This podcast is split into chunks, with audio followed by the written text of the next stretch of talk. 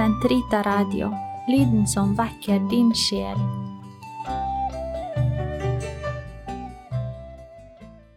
Kroppens teologi, en kommentar til pave Johannes Paul 2.s onsdagskatekeser av Eirik Ambrosius Stenhoff.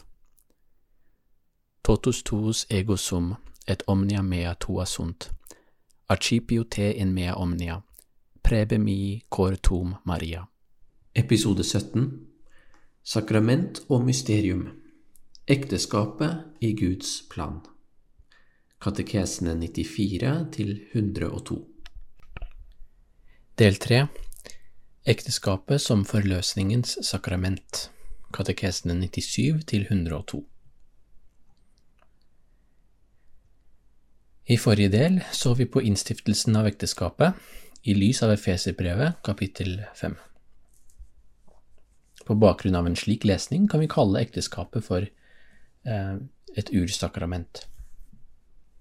I Efeserbrevet 5, 31 viser forfatteren til beretningen om ekteskapet i første Mosebok 2.24. Og i verset etter skriver han eh, dette er et stort mysterium, jeg tenker på forholdet mellom Kristus og kirken. Det store mysteriet, på gresk megamysterion, er altså ekteskapet selv. Forstått på to distinkte måter ut fra ekteskapsanalogien. Det viser både til ekteskapet mellom mann og kvinne, slik det er blitt eh, innstiftet av Gud, men også, og egentlig fremfor alt, Kristi ekteskapelige kjærlighet i kirken, sin brud. Så det dreier seg kanskje primært om kirken. Ekteskapet mellom mann og kvinne er en frukt av det som Efeserbrevet kaller for utvelgelsen i Kristus, som vi så, nemlig at vi er skapt og kalt til hellighet. Og i så måte er, er det en realisering av den kjærlighet Gud har hatt til oss fra evighet av, som dermed kan karakteriseres som en ekteskapelig form for kjærlighet, som Kristus har for oss og for Kirken. I denne siste delen av episoden ser vi på hvordan ekteskapet kan kalles for forløsningens sakrament. Vi har altså sett på eh, begynnelsen på ursakramentet. Ekteskapet er en synliggjøring av eller tegn på Guds usynlige og evige mysterium. Hans, hans frelsesmysterium, hans kjærlighetsmysterium for oss. Hans kjærlighet for oss. Og um, synliggjøring, eller tegn, er jo en grunnbetydning av ordet sakrament. Og det kan vi si både om ekteskapet som Gud innstiftet mellom mann og kvinne i begynnelsen, nemlig ursakramentet, men vi kan også si det om Kristi forening med Kirken i forløsningens sakrament. At ekteskapet er et synlig tegn på mysteriet, betyr imidlertid ikke at mysteriet med dette er helt uttømt, sier paven. I stedet kan vi si at tegnet peker mot mysteriet. Og paven trekker her en kobling eh, mellom Adam og Kristus. Sitat Akkurat som at den første Adam, mennesket skapt som mann og kvinne, som ble skapt i en tilstand av opprinnelig uskyld og kalt til ekteskapelig forening, var et tegn på det evige mysterium, så er den andre Adam, Kristus, som er forent med Kirken gjennom forløsningens sakrament, i et ubrytelig bånd som svarer på en analogisk måte til den ubrytelige pakten mellom ektefellene. Det definitive tegnet på det samme evige mysterium. Sitat slutt. Så ekteskapet er altså et tegn, eh, både i skapelsens orden og i forløsningens orden. Eh, og det er tegn på det samme mysteriet. Og dette gir oss et første grunnlag for å forstå ekteskapet i den nye pakt. Paven viser oss igjen til Matteus 19 her, eh, og Matteus 19 var utgangspunktet for drøftingen av begynnelsen i de første katekesene, i den aller første rekken. Vi husker at Kristus viste fariseerne til begynnelsen for at de skulle forstå hensikten med ekteskapet. De foregående refleksjonene har vist oss at ekteskapet fra begynnelsen eh, var et ursakrament. Kristus kan dermed både sies å videreføre ekteskapets opprinnelige hensikt, men også å gi den mening som overskrider denne hensikten, nettopp innenfor den nye pakt. Paven sier at ekteskapet kan betraktes som prototypen for alle sakramentene i den nye pakt, og særlig eh, kirkens syv sakramenter. Paven skjelner her mellom den opprinnelige økonomien, eh, som det heter, eller den opprinnelige orden som Gud innstiftet, og den sakramentale økonomien, innstiftet av Kristus. Skaperordenen var orientert mot mennesket i urtilstanden. Altså, altså mennesket som levde i en tilstand av opprinnelig uskyld og rettferd. Den nye paktens sakramentale økonomi, sier han, er tvert imot rettet mot det falne mennesket, for denne opprinnelige uskylden gikk jo tapt. Ja, dette kan virke som en åpenbar distinksjon, men den har altså en vesentlig konsekvens for hvordan ekteskapet må forstås eh, nettopp som et sakrament i den nye pakten. For ekteskapet har nå, her og nå, en vesentlig rolle å spille um, i menneskets forløsning og dynamikken kan vi si er blitt en helt annen. La oss nå se kort på ekteskapet um, som prototypen for kirkens sakramenter, um, som kan sies å være en konsekvens av dette. Hittil har vi snakket om sakramentalitet, ursakramentet, og vi har snakket om skapelsens sakrament uh, og forløsningens sakrament i en mye videre forstand enn vi vanligvis gjør i katolsk teologi i dag. Og det har vi forklart i første del av episoden. Nå snakker vi imidlertid igjen om sakramentet i en snever forstand akkurat nå. Kirkens syv sakramenter er tegn, innstiftet av Kristus og forvaltet av kirkens geistlighet, til formidling av guddommelig nåde til de troende.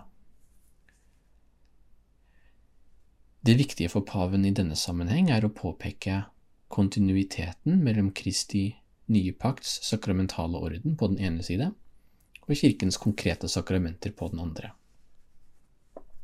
De konkrete sakramentene strømmer nettopp ut av, uh, av Kristi frelsesverk, av, av Kristi uh, nye pakt.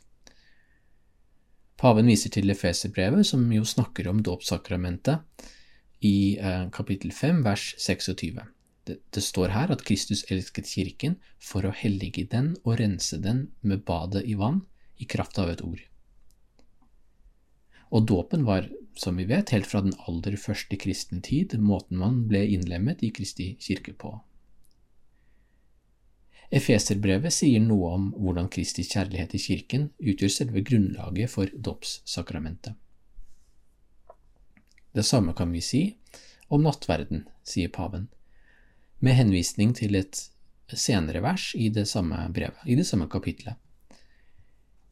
Det står at eh, Kristus nærer og pleier kirken, i vers 29. Vi kan likevel ikke, disse eksemplene til tross, utvikle en fullstendig sakramentsteologi på bakgrunn av disse versene alene.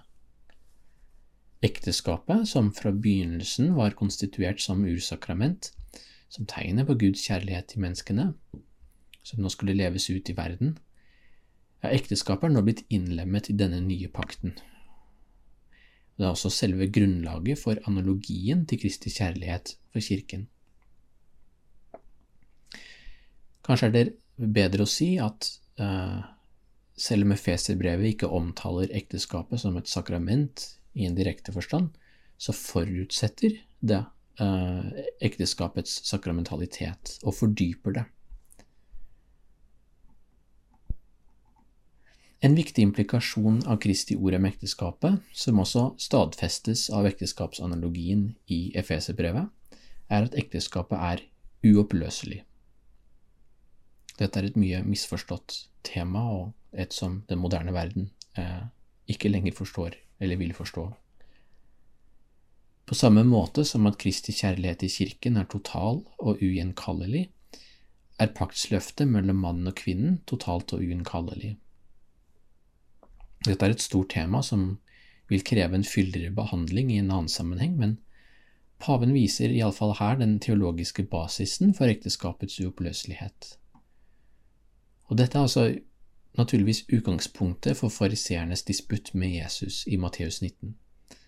De spør om hvorvidt det er lov å skille seg fra sin kone, uh, uansett grunnen. Og de nevner at Moses hadde uh, tillatt et skilsmissebrev um, under gitte omstendigheter. Som vi vet, så svarer ikke Kristus dem på disse premissene, men viser i stedet til skapelsen. Og han spør dem, har dere ikke lest at i begynnelsen skapte han dem mann og kvinne? Det er Matteus 19, vers 4. Så hva er det Jesus egentlig gjør her? Jo, eh, paven sier at Kristus tar stilling til dette spørsmålet ut fra um, Kristus innfører ikke noe som fremstår helt nytt og ukjent for fariseerne, men forholder seg til noe som de allerede kjente til. Ikke minst fordi de var skriftlærde og kjente Guds åpenbaring, som, som jøder. Samtidig har Kristi ord her selvsagt en universalitet som overskrider tid og rom og, og religiøs tilhørighet. Han peker jo nettopp på menneskets vilkår slik det er skapt av Gud, og det er noe som angår alle mennesker til alle tider, også nå. Men dette perspektivet kommer likevel, sier paven, eh, innenfra et forløsningsperspektiv. Jesus taler her, sitat, fra dypet av forløsningens mysterium og uh, fra kroppens forløsning. Sitat slutt. Og denne forløsningen er nettopp en ny skapelse, som betyr at alt det skapte blir, blir tatt opp og så å si kommunisert på ny i all dets fylde.